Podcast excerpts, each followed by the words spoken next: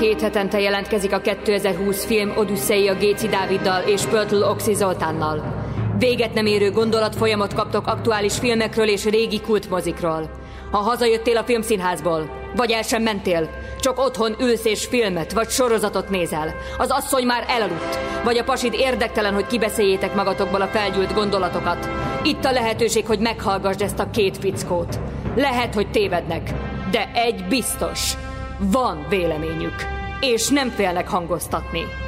Kezdődjön tehát a 2020 film Odüsszeia az újságíró Oxival és a filmrendező Dáviddal.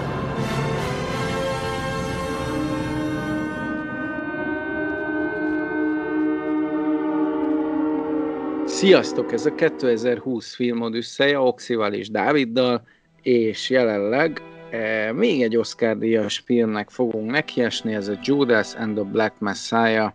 vagyis a Júdás és a Fekete Messiás, ami a Fekete Párduc mozgalom, hát talán alapfilmje, egy újkori klasszikus ilyen szempontból, és hát talán lehet mondani, hogy gangsterfilm, úgyhogy ma szerintem gangsterfilmekről is szó lesz. Amellett lehet, hogy politikai thriller, beépülős FBI-os mozi a tégla, és, és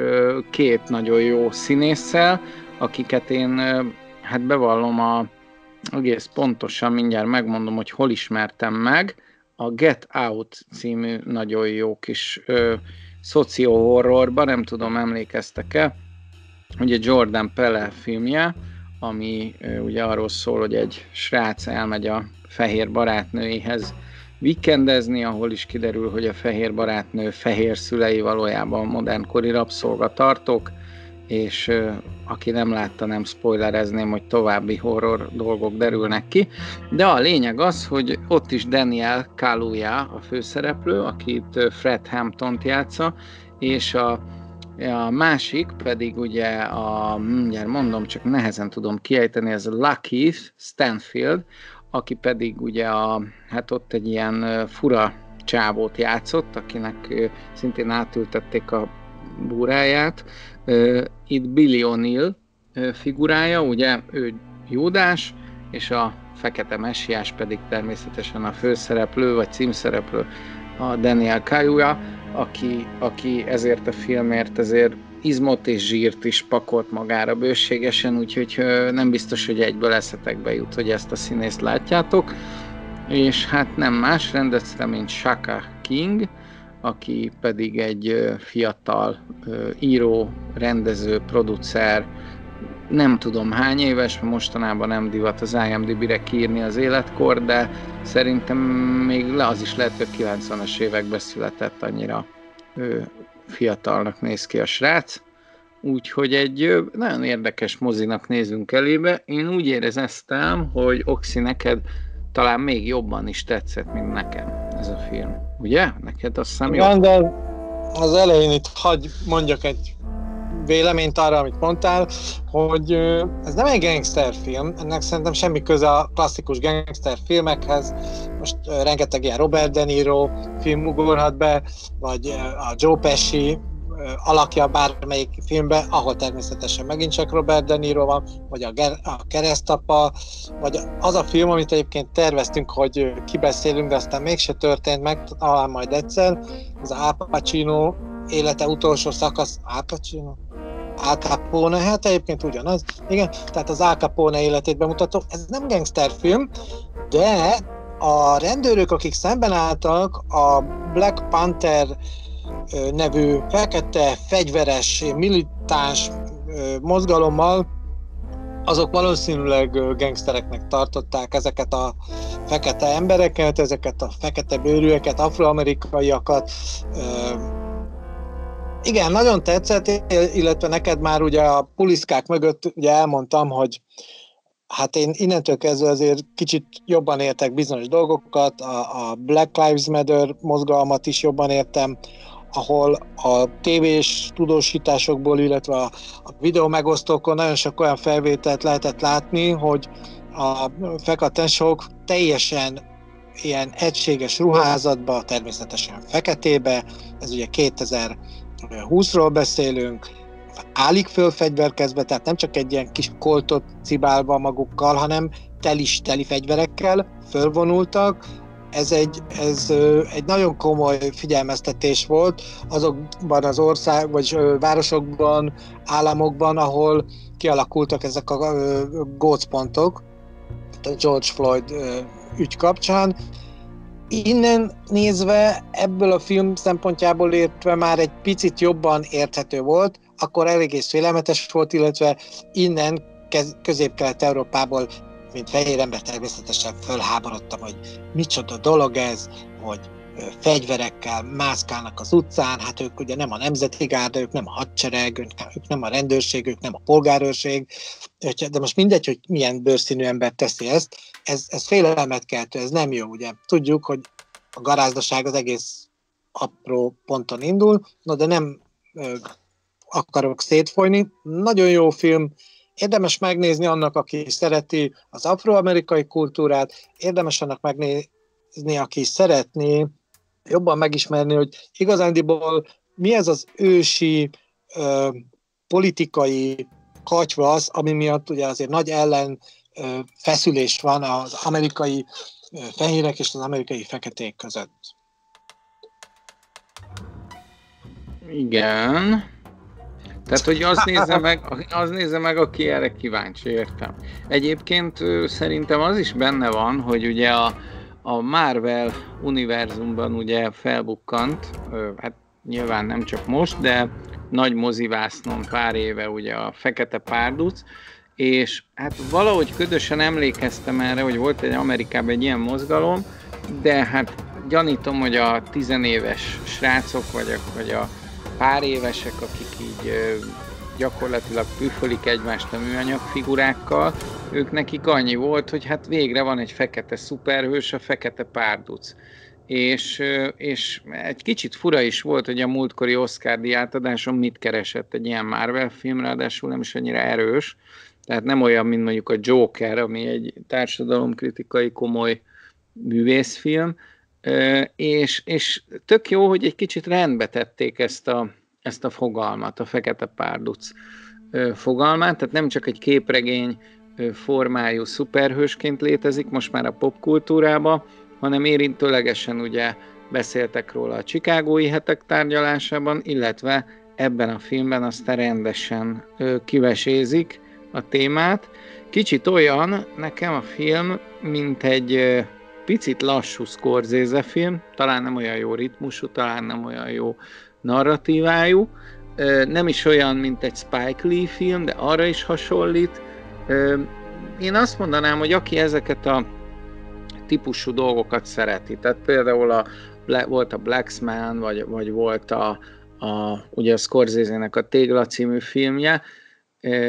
az, az ezt a filmet is szeretni fogja, de ez a mozi elsősorban, hogy te is mondod, nem arra koncentrál, hogy egy klasszikus gangster filmet mondjon föl, hanem egy morális drámaként működik, méghozzá egy, egy, egy vezető, egy politikai vezető, és annak az elárulója van a középpontban, aki gyakorlatilag végig a lelkével viaskodik, innen a biblikus párhuzam,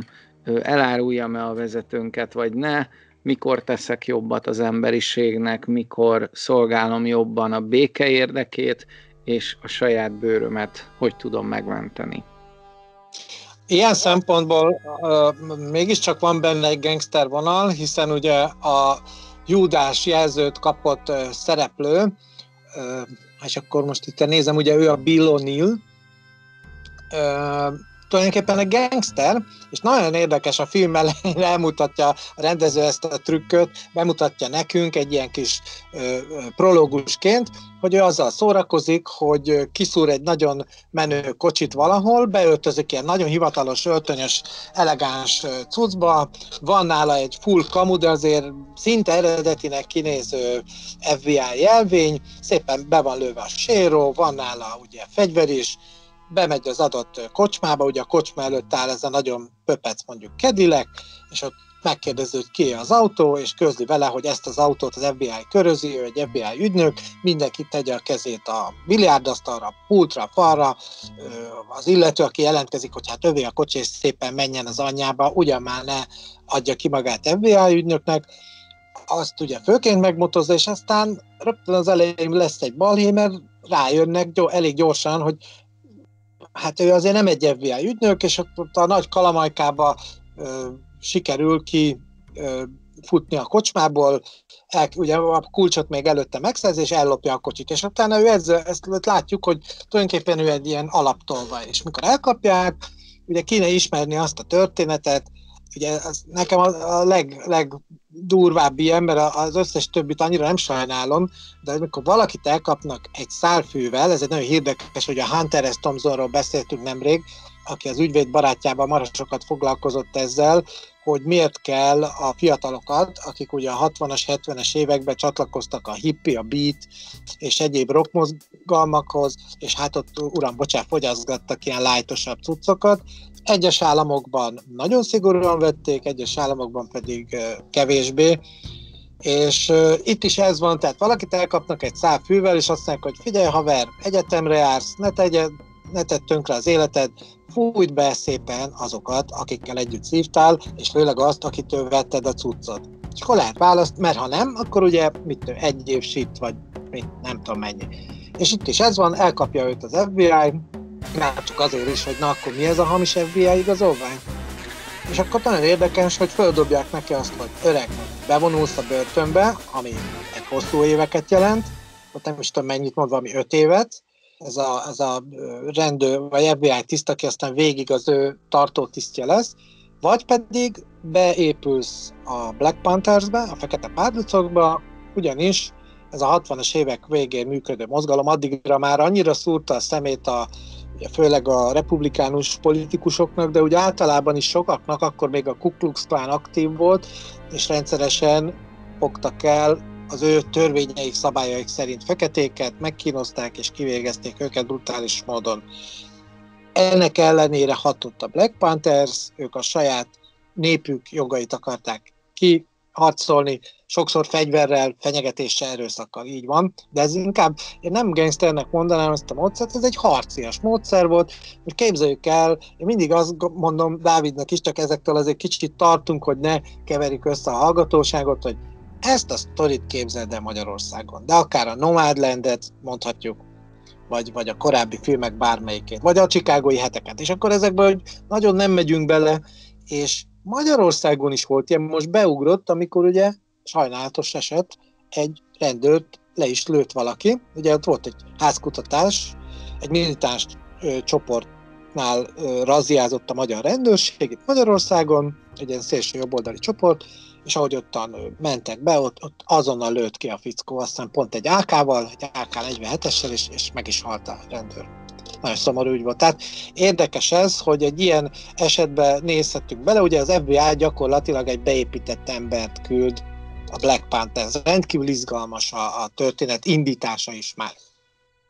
És nagyon érdekes ugye az, hogy, egy, hogy a rossz oldaláról mesélet. Tehát, mint hogyha a Bibliát a Júdás szemszögéből mesélnéd, hogy hogy árult el Krisztust, hogy árulta el egy, egy, egy srác, gyakorlatilag egy, egy, egy piti gangster, hogy árult el egy, egy mozgalmi vezetőt, és nyilvánvalóan, a, ahogy te mondod, a fekete tesóknak ez a figura, ez, ez lehet, hogy olyan jelentőségű, mint, mint Kennedy elnök a fehéreknek, de nem tudom, hogy, hogy egyébként mondjuk olyan ikonikus figura el, vagy olyan kultikus figura el, mint mondjuk a Malcolm X, ezt te hogy látod, Oxi? Ja, nekem megvan ez a Malcolm X-nek ez az alapkönyve, amit szerintem már a börtönben írt, és ugye az ő figurája is, ha jól emlékszem, azért itt megjelenik, vagy megidézik valamilyen szinten. A Malcolm X-nek az volt az érdekessége, hogy ő muszlim volt, akkor még ennek nem volt akkora jelentősége, mint mondjuk 2001. szeptember 11-e után, és ezt szerintem innen, innen nézve nem nagyon tudjuk fölfogni, hogy, hogy ez egyáltalán hogy történhetett meg, hiszen a, a, a filmek iránt érdeklődő, vagy a popkultúra iránt érdeklődő emberek ebbe a kasztba sorolom most magunkat, a fogyasztóinkat,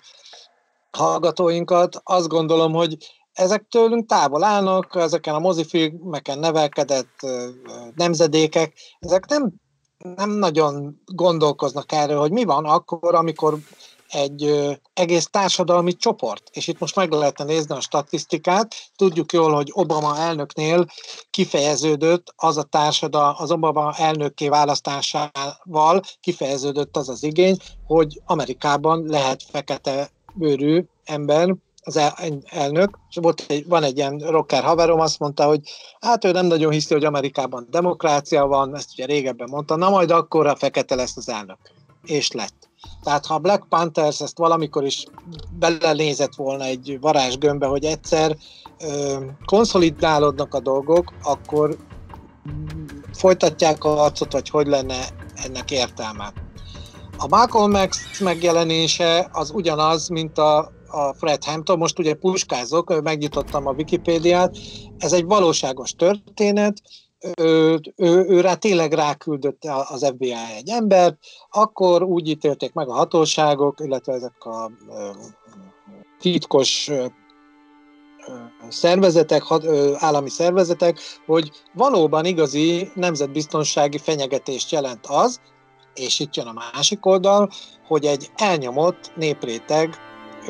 úgymond fölkelést szervez, de ebbe például olyanok voltak, és ez tök érdekes, most picit talán előre rohanunk, hogy a Black Panthers olyanokat intézett el a feketéknek, hogy ingyen reggelit kapjanak a gyerekeik. Ugye nagyon nagy volt a szegénység, nem jutottak be különböző szintekre még ők a 60-as években, hát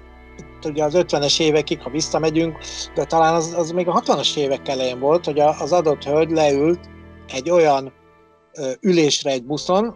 ahol az volt írva, hogy oda csak a fehér emberek ülhetnek, mert a busznak a másik felére volt az írva, hogy colored people. Tehát, hogy nem lehetett, tehát ilyen durva volt a helyzet az Amcsiknál, a nagy büdös demokráciában, és ezért nagyon komoly harcokat kellett folytatni, és tudjuk jól, hogy, hogy a legtöbb színesbőrű embernél nagyon erős az önazonosság, illetve az emberi méltósághoz való ragaszkodás, és ezt elkezdték harcolni, hát sokáig tartott, és véráldozatokat követelt, de sikerült. Ez, a, ez pedig ennek az amerikai történelemnek ez egy ilyen, hát egy nagyon szennyes, nagyon szennyes fejezete, ami a filmben meg is jelenik, hogy hát ugye nagyon nem mondom el, hogy hogy lesz vége, hogy még egyenlőre, már spoilert azt mindig a második fél időre hagyjuk. És hogy mindig szolgáljunk egy kis személyes tartalommal is, mert többször hoztam szóba azt hiszem az amerikai nagyon rövid egy hónapos látogatásomat, és amikor a berkeley voltam, akkor én a haverom ágyába aludtam, illetve hát segített szállást adni, és ő pedig a színesbőrű haverjának az ágyába aludt, aki épp a nem tudom milyen rokonainál vakációzott, és hát nem hallotta a srác, hogy én miket mondtam, de, de utólag belátom, hogy jó nagy hülyeségeket, ugyanis azt mondtam a haveromnak, aki akkor ugye a Berkeley tanult, hogy én az, az szimpatikus Amerikában, hogy itt a mozgalmak nem elbuktak, hanem általában kivívták a,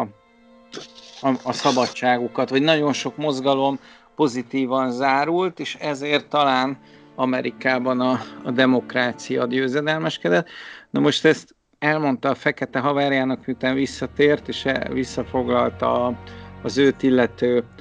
koleszos térfelet, és mondta, hogy hát ez a magyar gyerek, ez nagyon hülye, és röhögött, azt mondja, hogy Amerika, Amerika mint demokrácia, Amerika mint erőszak és elnyomás. Tehát, hogy, hogy ma egy, egy fekete Berkeley diák még mindig így látja a világot, és valószínűleg mi látjuk ezt más szögből, mint ők, hiszen, hiszen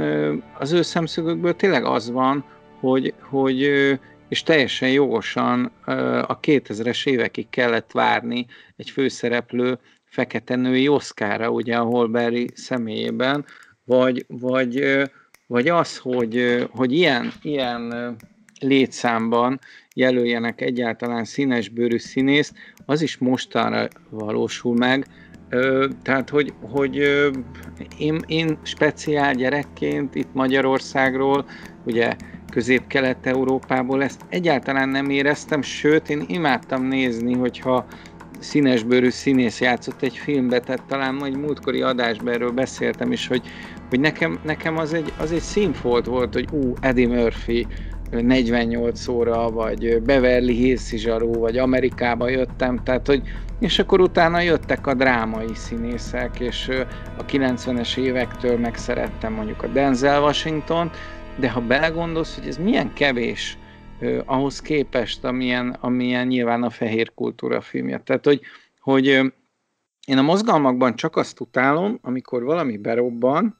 és valami így elnyom mindent kvázi, és nem feltétlenül a tehetségről szól a dolog, hanem arról, hogy most mozgalomban, és most csak színesbőrűeknek kell filmet csinálni, vagy most csak leszbikusoknak, vagy csak nőknek, vagy csak félszeműeknek, vagy csak kutyáknak, vagy csak macskáknak, ezzel nem értek egyet. Viszont ez esetben nem erről van szó, ez egy nagyon jó film, és nagyon rég meg kellett volna már csinálni a Black Pantherről szóló filmet, pont azért, hogy tiszt, tisztaság legyen a fejekből, hogy én se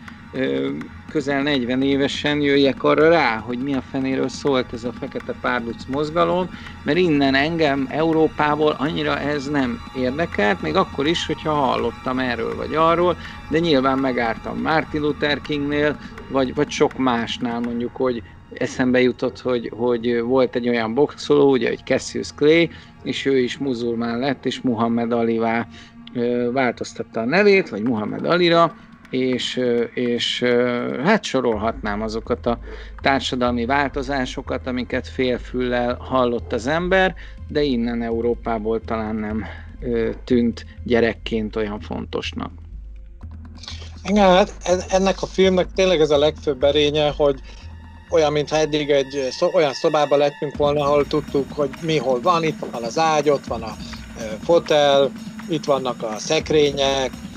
a legkülönbözőbb használati tárgyak, aztán egyszer csak valaki bejön és felkapcsolja a villanyt, és akkor meglátjuk, hogy valójában mi hogy néz ki. Tehát tudtunk mindent, mintha tudtunk volna mindent, de valójában nem tudtuk, hogy igazándiból mi a helyzet ebben a szobában. Ez egy nagyon különleges dolog, hogy egy kivételes helyzet, tényleg ez nagyon fölülemelkedik sok minden ember ebben nem is annyira fontos, hogy talán, hogy művészileg, vagy filmtechnikailag ez hogyan csattan ki, mert egyébként nagyon jól elkészítették, de ennek az üzenete, ennek annyiféle rétege van, és pontosan az időzítés azért fontos talán, mert most, és a, a, ez a Biden ö, ö, időszakához is kapcsolható. Most a Biden-t azzal vádolták meg legutóbb, hogy hát már ilyen kommunista intézkedéseket hoz. Ugye ennek van egy ilyen kicsit fonák üzenete is, hogy természetesen ez most az Amerika nem lett egy kommunista állam, már szerintem Kína se igazán az, hát most az, hogy egy párt irányítja, az egy dolog, de egy szuperkapitalizmus valósul meg. De Bidennél ugye ezek a szociális intézkedések, nem tudom milyen programokat jelentett be, de hát minden ilyen ö, helyzet, akkor ezek szerint, ahol egy adott ország, Svédország, Nagy-Británia, Magyarország, Románia, Olaszország, mindenhol, bárhol, akárhol, hoznak egy szociális ö, intézkedés csomagot, ami megsegíti a legnehezebb helyzetben élőket, akkor ezek szerint az egy kommunista berendezkedést feltételez, vagy egy kommunista irányzatot. És lehet, hogy igent is lehet erre akár mondani, ha el kell olvasni, megint csak könyv, ugye anyavállalatunk a Kelló Könyvkultúra magazin, illetve a Kelló, így néha könyveket is nem belecsempészünk, hanem oda illesztjük a helyére, Tamás Gáspár Miklósnak van most egy új könyv, az Antitézis. TGMS szerintem mind a két oldal tiszteli tudása miatt, ugye a véleményével nem feltétlenül kell egyetérteni. Érdemes elolvasni olyan szempontból, hogy ketté választja rögtön az elején, hogy volt az úgynevezett reál szocializmus, ami ugye vérrel borította be ezt a féltekét, és tönkretett egész országokat, ugye Stálinék, Maoék milliókat, tízmilliókat pusztítottak el, most a háborúkon túl is akár, és volt a nyugati, ez a idealista kommunista irányzat, ahol ilyen karos székekben, klubokban ültek, de aztán az egyetemisták is nekeltek. Ebben a filmben is nagyon sokszor elhangzik ez a szó, hogy én marxista vagyok, mondják ezek a fekete vezetők, én kommunista vagyok, én szocialista irányelveket vallok, és tényleg így innen nézve, így 2021-ben így rádöbbenünk, vagy megdöbbenünk, hogy úristen, mi történt itt 60-as években? Hát eddig annyit tudtunk, hogy, hogy ott nagyon komoly zenei, kulturális forradalom történt, a, a szubkultúra bekerült a tömegkultúrába, ennek mi örültünk, mert átjött a te, az óceánon ez az egész, Amerikából bejön a zene, énekelte Nagy Feró, és azt hittük, hogy ez a, ez a szabadság országában ilyen szó, hogy kommunista, ilyen nem létezhet, úgy, mint tömegbázis. És íme itt van, a feketék úgy döntöttek, mutatja ez a film, hogy ez az a politikai irányzat, ahol nekik meg kell, ahol ők meg tudnak nyilvánulni annak ellenében, ami az országos két nagy politikai trend, tehát ugye itt a Kennedy után vagyunk, ha jól látom a dátumokat, és a Nixon, a Nixon rendszerrel kellett megküzdenie többek között a fekete párducoknak, de inkább a feketéknek. Ugye politika történetileg, illetve az amerikai történelem, újkori történelem egyik legizgalmasabb időszaka ez, amit a film bemutat. És amellett, hogy ez egy politikai krimi, ami nekem megmondom őszintén egy picit néha lassan csúszik, amellett nagyon személyes, és, és a személyes része miatt viszont nagyon lírai is tud lenni, és például a, a főhős, ugye a Fred Hampton és a feleségek közötti párbeszédek, az, hogy ahogy a gyereket várják, stb., míg a férj ugye börtönbe kerül, egy kis spoiler, azért, azért azt gondolom, hogy annyira, annyira mély és annyira valóságos és, és, és közeli, hogy, hogy abszolút lehet azonosulni a, a szereplőkkel, és attól válik tényleg drámaivá ez a film, hogy teljesen érted a, ugye a Bill O'Neill álláspontját is, aki egy tégla, egy beépített ember, más filmben ő lenne ugye a főszereplő, ő lenne a Donnie Brasco, aki elárulja Al Pacino-t, ugye a Fedő neve Donnie Brasco című filmben, vagy ő lenne DiCaprio, aki, aki beépül ugye a Jack Nicholson bandájába és elárulja a téglába, vagy ő lenne Serpico, ugye Al Pacino alakjába, tehát itt van egyrészt egy azonosulási lehetőség, de ott van a Fred Hampton figurája, aki pedig egy, egy hihetetlen indulatos, szenvedélyes ember, és, és a sok rossz mellett nyilván, ami eszköz ebbe a mozgalomba, valójában jót akar, valójában ki akarja vívni a színesbőrűek egyenlőségét, és, és ebben a felesége, ugye ez a, a Deborah Johnson figurája, nagyon is támogatja, és igazából egy nagyon aranyos, pufi nő ez a, ez, a, ez a színésznő, vagy hát erre a karaktere így néz ki, inkább ezt mondanám, aki ugye a Dominic Fishback, és, és az ő kettősük ugye a Daniel Kalujával, ahogy, ahogy mondtam az előbb, egy ilyen nagyon lírai kettős, és nagyon tudsz nekik szurkolni, nagyon ö, tudod az ő életüket, vagy élethelyzetükbe bele tudod élni magad, és hát, hogy egy kicsit most elkezdjünk a spoilerek irányába menni, amikor így rajtuk ütnek, az, az, egy, az egy gyomorforgató élmény. Tehát az egy olyan árulás, nem is tudom, vannak ilyen igazi jó filmes árulások, ilyenkor beszoktuk dobni oxival a, a, az agyunkba pergő képeket, nekem eszembe jut William Wallace sztoria, ugye rettenthetetlen, amikor a Mel Gibson elárulják a William Wallace-t, ugye a skót urak, és ott hagyják a Falkörki, ha jól emlékszem, Falkörki csatában, és tökig véresen fekszik a fűben, és ilyen sírni van kedve, mielőtt elfekszik, egyszerűen nyel egy nagyot, és, és elárulták, és tönkretették, és vége. És, és ilyen árulás, ilyen árulások a filmművészetben, most az előbb kapásból volt egy csomó a fejembe, persze ilyenkor kell elfelejteni, de hogy ezek az árulások, ja igen, hát például a kutyaszorítóban vége, ugye zseniális, ahogy végig bízik Harvey Keitel figurája Tim Rothban, és, és mindent felad érte, az, erk, az emberségét, a, a, a gyakorlatilag a, a film elejétől a film legvégéig védi azt a karaktert, és, és itt is az a borzalom, hogy érzed, hogy, hogy, a, hogy a Hampton száz százalékig megbízik ebben a pár emberbe, aki, aki őt körülveszi, és, és nyilván ezek fordaggatják meg a hátában a kést, és egy kicsit olyan, hát nem is kicsit, méltatlan az a rajtaütés, engem esze,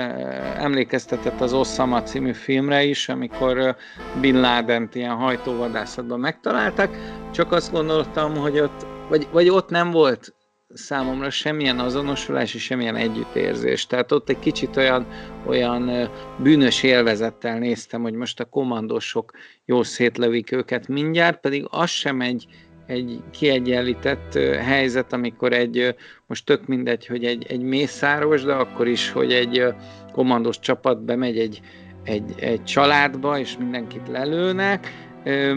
az, az, az nem, nem annyira az én erkölcsi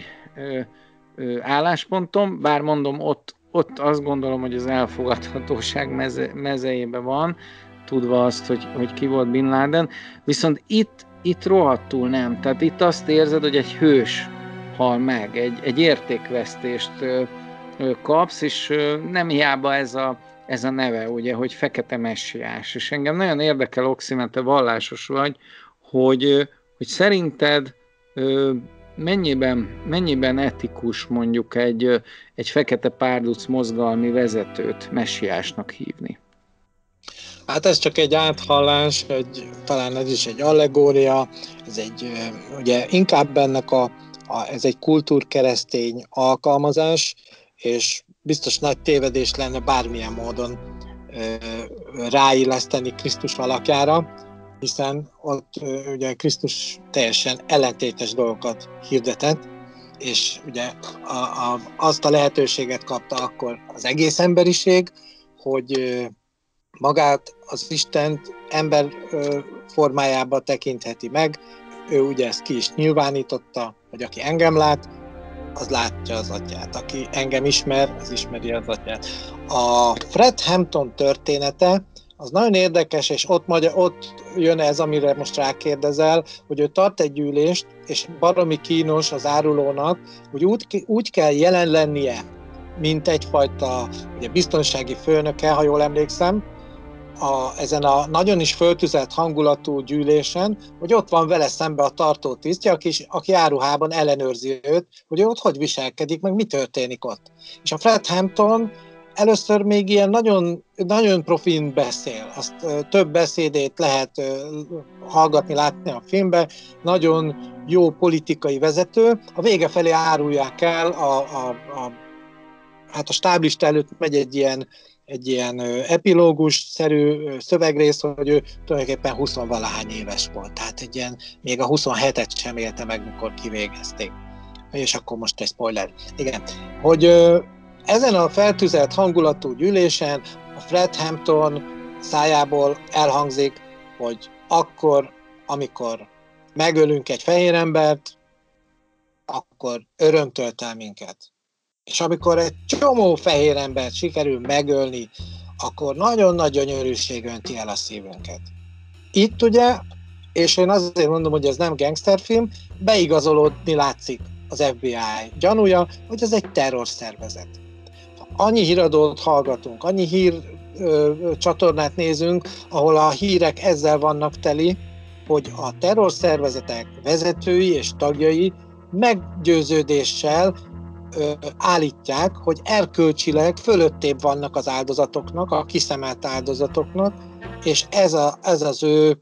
ő muníció, lelki muníciójuk. Miközben tudjuk, és ezt minden vallás, minden alap, ha már a vallásnál tartunk, minden vallásnak az alapja az a parancsolat, hogy ne ölj, ne öld meg a másikat, inkább szeresd, ne bánsd a másikat, értsd meg, Ma néztem Ali Akcsa és második János Pál pápa fotóját, talán egy évfordulója volt ennek. Ugye Ali Akcsa merénylő volt, egy muszlim merénylő, aki második János Pál pápa ellen megkísérelt egy gyilkos merényletet elkövetni, hál' Istennek nem sikerült, és aztán a pápa, amikor már jobban lett, ugye második János Pál pápának is nagyon jó humorérzéke volt, és nagyon jó ö, ö, egyéb más érzéke volt, erős hite volt, és meglátogatta először a börtönbe, aztán meghívta oda a rezidenciájára. És ott már gondolom azért ott volt néhány biztonsági ember, és egy ilyen kis laza pulóverbe ott mászkált ugye ez a török származású merénylő, és ott beszélgettek. Tehát ez, ez, a, ez az az ellenté, ellenpólus, mi így gondoljuk. Tehát az a zsidó-keresztény kultúra, az így, így próbál hozzá tenni. A világi szerkezetet azt viszont fönt kell tartani. És nagyon, igen, ezek nagyon nehéz Igen, csak kérdések. amit mondasz, amit, amit mondasz, azért is érdekes, mert ugye ők is a zsidó-keresztény kultúrában vannak. Tehát, hogy, hogy, hogy abszolút hát ha, ha egy színesbőrű embert megkérdezel, még az is lehet, nem, nem tudom biztosan, de még azt gondolom, hogy talán nagyobb arányba hívő, mint, mint, hát, mint egy igen, de fehér amerikai. Igen. igen, de amikor az első számú vezető, és tehát előbb, amikor mondtad a szerelmes párt, hát két nagyon szép emberről van szó. Tehát ez a, ez a két szereplő, de most a filmbeli nevüket mondom, ugye a Fred Hampton alakító színész, a Deborah Johnson alakító színésznő, ezek két gyönyörű szép ember, én rendesen megnéztem, ezek nagyon klasszul néznek ki. Ugye múltkor volt egy másik film, amit szintén kielemeztünk, ott is egy afroamerikai párnak a magánéletébe tekinthetünk be, az egy más jellegű film volt, ugye ott a filmes szintérre lehetett bepillantást nyerni, ott, ott megint más volt, azok kicsit ilyen csillivilli, meg kicsit ilyen, ilyen trendibb alakkal rendelkeztek, ezek sokkal emberibbek voltak, és szerintem sokkal szebbnek tűntek, legalábbis nekem. És pont tényleg nekem is ezért volt nagyon visszás az, hogy hogy lehet ilyen embereket lemészárolni. De nem, tehát hogyha valaki gyilkosságot hirdet, akkor is, mert ők elmondták, hogy az ő népük szenved, tehát ők annyira jogfosztottak voltak akkor Amerikába, hogy és erről ugye a Malcolm X könyvétől kezdve sok helyen lehet olvasni, hogy elég hamar megel, tehát a 20. század második felébe érve, de picit most ugorjunk vissza akkor egy mond, fél mondat elég az első felére, biztos imádod Milos Forman Rektány című filmjét. És abban is miről van szó? Arról van szó, hogy a feketéket iszonyúan ö, ö, meghurcolták pusztán a, a létezésük miatt. És az 50-es, 60-as évekre lett ebből annyira elegük, és akkor ugye a technika, a kommunikáció, a polgári jogok véget ért a második világháború, ahol a, a, a fekete tesók is letették az asztalra azt, amit le kellett tenni. És a vietnámi háborúba is letették, ott is ott voltak ők, és hát amint tudjuk, halljuk, hogy nagyon sokuk zupálták be az amerikai hadseregbe, és nagyon sok oda is veszett. Tehát ők nekik akkor már ők értették, hogy ők a hazáért megtettek mindent, és miért mégis másodrendű állampolgárok. Valahol nagyon is érthető. Ők fölé, és a Hampton is úgy magyarázza a gyűléseken, hogy mi fölötte vagyunk annak az erkölcsiségnek, amit akkor most mondjuk így, ahogy te mondtad, a zsidó-keresztény kultúrán alapuló társadalom nekünk ad. Mert ő azt mondja, hogy figyelj, ha ők ilyenek, és ezt a, ezeket a kultúrákat birtokolják és vallják, ezeket a vallásokat ö, hiszik, és vallják, akkor miért bánnak így velünk, hiszen én ugyanúgy a fele barátja vagyok. Tehát valahol ez egy kritikája volt annak az erkölcsi ö, fundamentumnak, amin az egész nyugati keresztény kultúra ö, ö, alapozódott. Ez egy nagyon érdekes helyzet volt, és akkor azt mondja, hogy tulajdonképpen olyasmit tettek, amit a Leninék, hogy azt hogy jó, akkor először is tegyük azt, hogy ezeket elsöpörjük, meg kiharcoljuk vérrel, vassal azt, amire szükségünk van, azt utána majd tárgyalunk meg az erkölcsről, a jogról, akkor megalkotunk újabb dolgokat. Na most az FBI-nak ez ki lett adva, hogy ezt akkor szépen intézzel, hogy ebből semmi ne legyen. Még az jutott eszembe, hogy, hogy kicsit képviseljem a filmes vonalat. Ugye Jesse Plimons nagyon-nagyon jó színész, írdatlan furcsa feje van, tehát nem mondanám sármos úriembernek. Ő játsza ugye Roy Mitchell-t, az FBI ügynököt, akinek a téglája ugye a Júdás, vagyis a Bill és, és hát remekül játsza ezt a ezt a kicsit ilyen bürokrata, a saját érdekeit előbbre toló embert, és hát pont azért tűnik igazából egy negatív, vagy nagyon negatív figurának a többiekhez képest, mert míg a Bill O'Neill egy ilyen egércsapdában van, és gyakorlatilag én, mint néző várnám tőle azt a megoldást, hogy ebben a helyzetben vagy az öngyilkosságba menekül, mert azt mondja, hogy, hogy nem akarok embertelen lenni, bár az öngyilkosság azt gondolom sosem jó megoldás, de ebben az esetben ahhoz, hogy ember maradjon, én azt gondolom, hogy, hogy fel kellett volna adnia magát ugye a Fred Hamptonnak, és a kezébe adni a sorsát, még akkor is, ha ez halállal végződik, ugyanis a, a másik ügy az, az, az egy nagyon-nagyon kihasználós, embertelen ügy. Tehát a, a végén a, a, a Roy Mitchell az úgy beszél vele, mint, mint, a, mint a felmosorongyal. Tehát érezteti vele, hogy áruló, érezteti vele, hogy szart se ér, és érezteti vele, hogy igazából választási lehetősége sincs, és emberi mi volta sincs. Tehát a modernkori rabszolgatartó figurája az mégis a Roy Mitchell lesz, egy abszolút negatív ö, karakterré válik a filmben. A másik érdekesség, hogy ebben is szerepel ugye Martin Sheen, már mint J. Edgar Hoover figuráját játsza, illetve, hogyha jól emlékszem, igen, teljesen át ment a Get Out, tehát a tűnnyel stábja, ugyanis van még egy ismerős benne, ugye a, aki, aki egészen pontosan a Wayne nevű karaktert játszett, nem egy, nem egy olyan óriási karakter a filmben, ez a Lil Ray Howery, a pufi srác, aki a, a Get Out végén érte jön a főszereplő srácnak, tehát igazából tényleg az a, az a stáb az gyakorlatilag feket, a feketék részéről átvonult ebbe a filmbe, és egy, egy drámai, társadalomkritikus horrorból átvándoroltak egy, egy politikai filmdrámába, és szerintem gangsterfilmbe. Mm, mm, egy kicsit még mélyebben belemenve, nem is tudom, hogy, hogy mi volt ebben a filmben az, ami, ami igazán nagyon megfogott, és talán az ugrálás a két fél között. Tehát minden filmnek van egy, van egy főszereplője, szinte az összes forgatókönyvíró könyv ezt tanítja, hogy még egy Buzz Spencer és Terence Hill filmnek is van főszereplője, pedig most a, a legelvetemültebb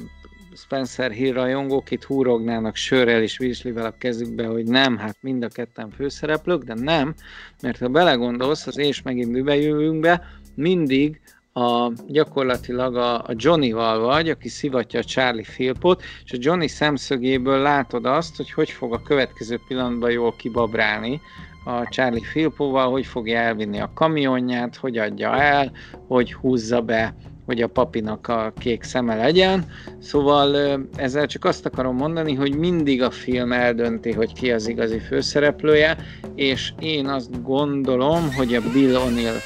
ennek a filmnek az igazi főszereplője, tehát a Júdás, a Júdás szemszögéből látjuk, de olyan erős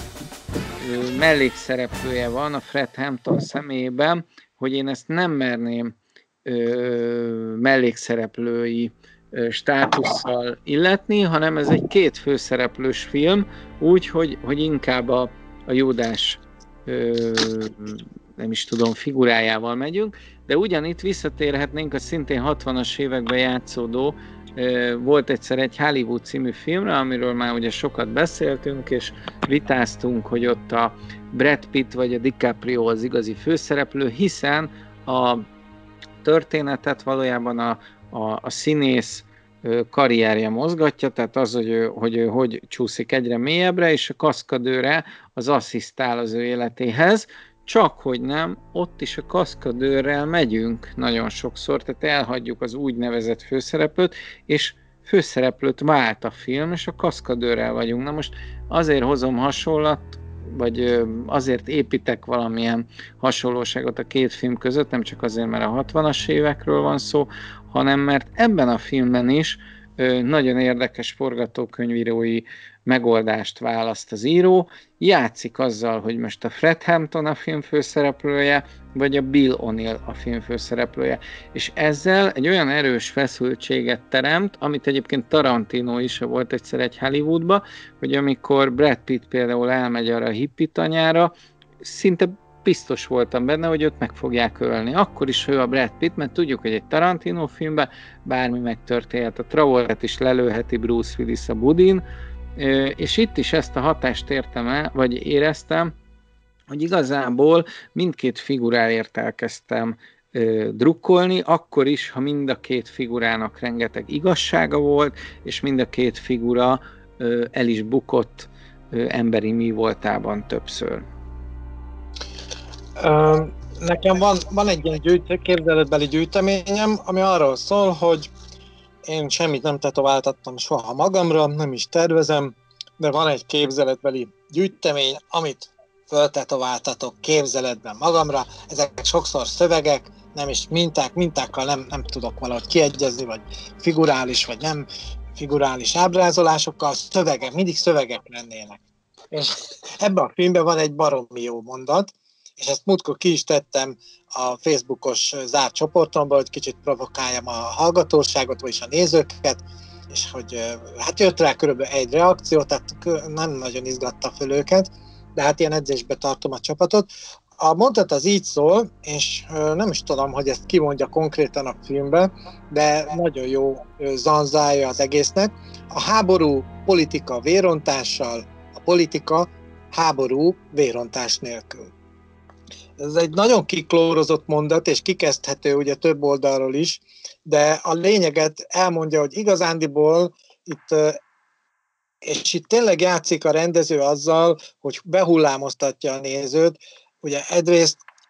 tehát ezen annyit dolgozhattak, hogy valami nagyon-nagyon szimpatikus, megnyerő legyen a néző számára a Fred Hampton alakja. Tehát olyan, mintha most készítettek volna ennek a, az illetőnek egy ilyen kultuszfilmet, vagyis az ő kultuszát egy filmben is megfogalmazták volna. Ez szerintem sikerült. Ugyanilyen ugye a párja, a, aki vele együtt harcol tulajdonképpen ebben az egész helyzetben, és ő is ugye egy, egy drámának, egy tragédiának lesz az áldozata, mármint olyan értelemben, hogy elveszíti a gyermekének a, a, az apját és a szerelmét. És ennek ellenére mégiscsak arról van szó, azt pedig meg lehet érteni. A, ugye tudjuk, hogy Amerikában, de nem csak ott, ez egy érdekes, és erre kíváncsi vagyok, hogy neked milyen gondolataid vannak, hogy ez egy híres kísérlet, amikor meg valahogy az embereket meg tudják tesztelni, hogy igen, választatok. Biztonság vagy jólét? A, gazd, a gazdasági ö, stabilitás vagy a politikai, vagy a demokratikus jogok stabilitása. Érdekes, hogy a szocializmusban ugye egyik sem volt, és mégis el voltunk vele, és borzasztó volt természetesen, és jó, hogy túl vagyunk rajta, de és aztán ennél sokkal, illetve a fasizmus is, a fasiszta államok, a világháborús államok, vagy a, a nagy kommunista tömbben, ugye szintén nem volt egyik se. De most már ezen, hál' Istennek túl vagyunk, és ez a film ugyanezt a tételt magyarázza, ahogy 2001 szeptember 11-a után is azt mondták az amerikaiaknak a vezetőik, hogy jó, akkor most megszűnt az a dolog, hogy demokratikus jogok. Akkor most maradjunk a biztonságnál. Most akkor egy picit a jogokból megcuffolunk néhányat, cserébe azért, hogy legyen biztonság, és mindenki egyetértett. Most is mindenki egyetért azzal, ugye a koronavírus járvány idején, bár mindegy melyik országban vagyunk, lehet ez Magyarország, Egyesült Államok, Európa, Ázsia, bárhol, azért cserébe, hogy túléljük a járványt, ezért cserébe nem szabad gyülekezni, nem szabad azokat a korábbi, egyébként kivívott demokratikus alapjogokat használni, mert különben egy legfelsőbb rendű törvény, az életben maradás törvény, ezt nem is kell leírni különösebben ez, de egyébként mindenhol le van írva, hogy az embernek joga van az élethez gondolom, valami szépen meg van fogalmazva, és itt az FBI azért megy rájuk, és ezeket az aljas módszereket, ahogy mondott, hogy rabszolgaként tartja a fickót, ez egy klasszikus helyzet, tehát semmilyen bűncselekményt ne kövessünk el, Dávid, te se, te, se én, ugyanis mi szerintem pontosan azok a ö, igazi becsületes, naív pancserek vagyunk, akiket imádnak megzsarolni. Tegyük fel, mi elkövetünk valamit, mit tudom én, ékszerrablás, nem tudom. Tehát minket úgy megzsarolnának, olyan, olyan ö, ö, presszúrának tennének alá hatóságok, ha ilyet csinálnánk,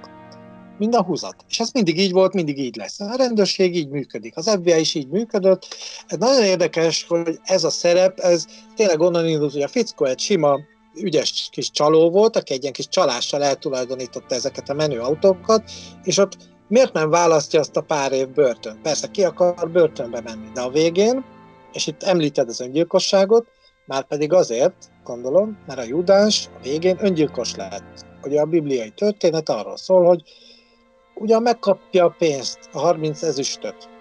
amit sokat idéznek aztán most már mindenféle kontextusban. Egyszer csak Judá, az eredeti Judásnak így, így bejön, hogy na itt nem, itt, itt mindennek vége. Akkor rájön az áruló. Az árulót senki se szereti. Azt se szereti, akinek besúg, elárul, és természetesen azt se igazán kedveli, akit elárul. Ez múltkor is előjött, azt hiszem a múltkori podcastban. Hát ez egy, ez egy olyan erkölcsi alaphely, én biztos megőrülnék, ha egy ilyen helyzetben lennék. Ez, ez, ez szerintem a, a legnehezebb, hogy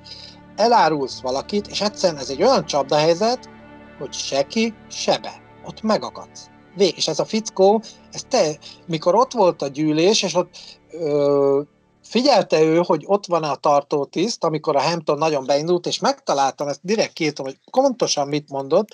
valami ilyesmi, de lehet, hogy nem jó írtam le, remélem, hogy mégiscsak, hogy a fasiszta disznókat megölni, akik meg akarnak minket ölni, az maga a gyönyörűség. Tehát ők úgy értelmezték, hogy mind a vadnyugatban, ugye, mint nézzünk egy Clint Eastwood filmet, hogy vagy ő, vagy én. Tehát a két revolver is föláll a porondra, a szalon elém, és vagy, tehát olyan nincs, hogy én ott, ott, ott mellé lövök, hogy csak megijedjen, mert ő le fog lőni, az biztos. Le akar lőni. Tehát nekem kell őt megölni ahhoz, hogy túl. Ez már a, a legvégső ember ösztönnek, a legalapvetőbb ember ösztönnek, gondolom én, hát nem voltam ilyen helyzetben. szóval a, nevelő, egy... a nevelő tisztet hívott tartó tisztnek? Igen, mert ő nem nevelő tiszt, ő tartó tiszt. E, e között mi a különbség? Mert nekem ez nem teljesen esett le. Kedves kezdő bűnöző társam. Köszönöm. Egyszer csináljunk majd tényleg valami hasonlót, hogy de nem igazi bűncselekmény, csak hogy gondoljuk végig, hogy mi lenne a, a nevelőtiszt, az ugye már egy ö, elítélt, ö, börtönbe jutott, és talán onnan is kiszabadult fickónak a szerintem ilyen mondhatnánk, ilyen rehabilitálja az illető, tehát neveli. Megvan a, a született gyilkosokban ő Skeginetti, aki a Mickey Knoxot tápolja egy kicsit. Na mindegy, ez jut eszembe. A nevelőt, igen, a nevelőtiszt egyébként a, uh, itt Esztergomba ismertünk egyet, mert az egyik iskola igazgatónak volt a fia, és tulajdonképpen ő, tehát nem is biztos, bocsánat, nem is biztos, hogy elítélnek valakit, de rossz útra tért, és megpróbálja visszavonni, hogy te figyelj, te még fiatal vagy, hát menj el inkább iskolába, és tessék hozzám bejönni, jelentkezni, hogy rendes pályán van az életed. A tartótiszt, ugye itt Magyarországon, mikor a rendszerváltás megtörtént, ez egy közismert szóvá lett, egy közkeletű szóvá állandóan használtuk, ugyanis a 3 per 3-as ügynökök, vagy az egyéb ügynökök, a 3 per 2-es, mit tudom, hanyas ügynököket néha-néha lebuktatták, és aztán általában mindig arról volt, hogy oké, okay, valakit be, bemártottak, be tudtak húzni, rántani ebbe a, a nagyon gonosz rendszerbe, aljas rendszerbe, te ki volt a tartó tisztje. Ugye mindenki a virágelvtársat keresi. A pelikánt, azt ismeri, mert a pelikán azok mi vagyunk a pelikán elvtárs, aki ugye csak kint van a gáton, és önti az ürgéket, és, és egy nagyon egyszerű ember az, az élet egyszerű örömeit szeretné megélni, a családi örömöt, az étkezéseket, a jó pihenés, stb. És ugye a virágelvtárs mindig azért be, behívogatja az irodába, és a, ugye a Tanú című filmben. Tehát ez a tartótiszt, és a tartótiszt mindig kegyetlen, az tulajdonképpen az emberiségnek, hát az az ördög. Ezt mondhatnánk, ha van ebben a filmben Júdás, van messiás, akkor a tartótiszt ez esetben a, ez a sátáni sugalmazó, a vádló. Na, akkor egy szimbólum rendszer végéhez értünk, és nem tudom, hogy van-e kedved ítélkezni. Nekem ez egy hetes film, látom az IMDb-n 7 és feles, lehet, hogy később ez 8-assá válik. Nekem egy, egy másik film nekem már inkább 8-as, a, a, a Blacksman, ugye a Spike Lee-től, nekem az jobban tetszett, de, de kíváncsi vagyok, hogy neked hogy tetszett. Nekem nagyon tetszett, és tényleg azért, mert és itt a kulcs szót talán még nem mondtuk ki, hogy nem volt demagóg egyáltalán. Ezektől a filmektől azért időzélbe téve elvárható lenne, hogy egy picit demagóg legyen, hogy a Black Lives Matter, vagy mondjuk trendi legyen. Ez szerintem mentes volt. Ez pont annyira kínos ez a filmnek a témája még most is, hogy és valószínűleg a rendező meg a stáb is kapott hideget és meleget emiatt, Ugye már nincs Ku Klux Klan, de nagyon jól tudjuk, hogy a, a, a fehér többségű amerikai társadalomban nem mindenki ért egyet azzal, hogy ö, csak azért, mert George Floydot egy rendőr megölte, hát most mondjuk így, hogy nem egészen szakszerűen való letartóztatása miatt, ezért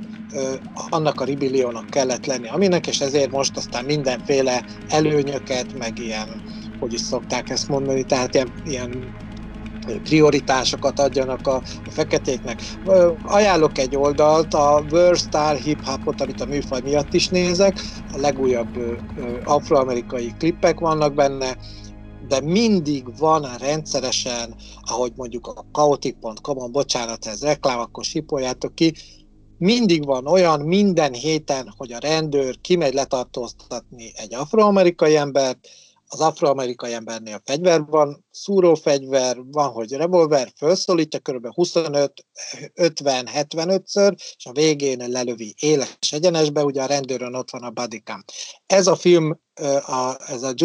Judas and the Black Messiah, ez nem demagóg, nagyon jó, és azoknak is ajánlom, akik figyelik Amerikát, és nem tudják jelenleg eldönteni, hogy Amerikában kapitalizmus van, szocializmus, vagy pedig fasizmus, vagy forradalom. Én nyolcast adok. És egy szolgálati közlemény, amit én soha nem fogok tudni olyan pergődumával előadni, mint Toxi. Igen, ez pedig nem más, mint a kontaktjaink és azok a felületeink, ahova nagyon várunk titeket. A vásári kikiáltó akkor közli a következőt. A 2020 Filmodusszea podcast fő oldala szerintem tulajdonképpen a YouTube, ilyen néven megtaláltok minket, legyetek oly szívesek ott a feliratkozás gombot megnyomni, nagyon örülünk, hogyha lájkoltok, netán diszlájkoltok. A feliratkozás gomb mellett van egy pici harang, ennek az a haszna, és a funkciója, hogyha megnyomjátok, akkor mindig kaptok egy értesítést, hogyha új adás került fel a csatornára. Ugyanilyen néven 2020 Filmodüsszel néven vagyunk fönn a Facebookon, az Instagramon, a Spotify-on és az Apple Podcast-en. Anyavállalatunk a Könyvkultúra Kelló magazin oldalán, a könyvkultúra.kelló.hu oldalon, a Bibliopod rovatban vagyunk megtalálhatók. Itt is, mint a fent említett csatornákon, a YouTube-on és az a Apple Podcast-en, a Spotify-on az összes adásunk megtalálható. Aki hosszabban szeretne írni nekünk, tegye meg nyugodtan, nagy örömmel olvassuk ezeket a sorokat. Címünk 2020 filmodusszea kukac gmail.com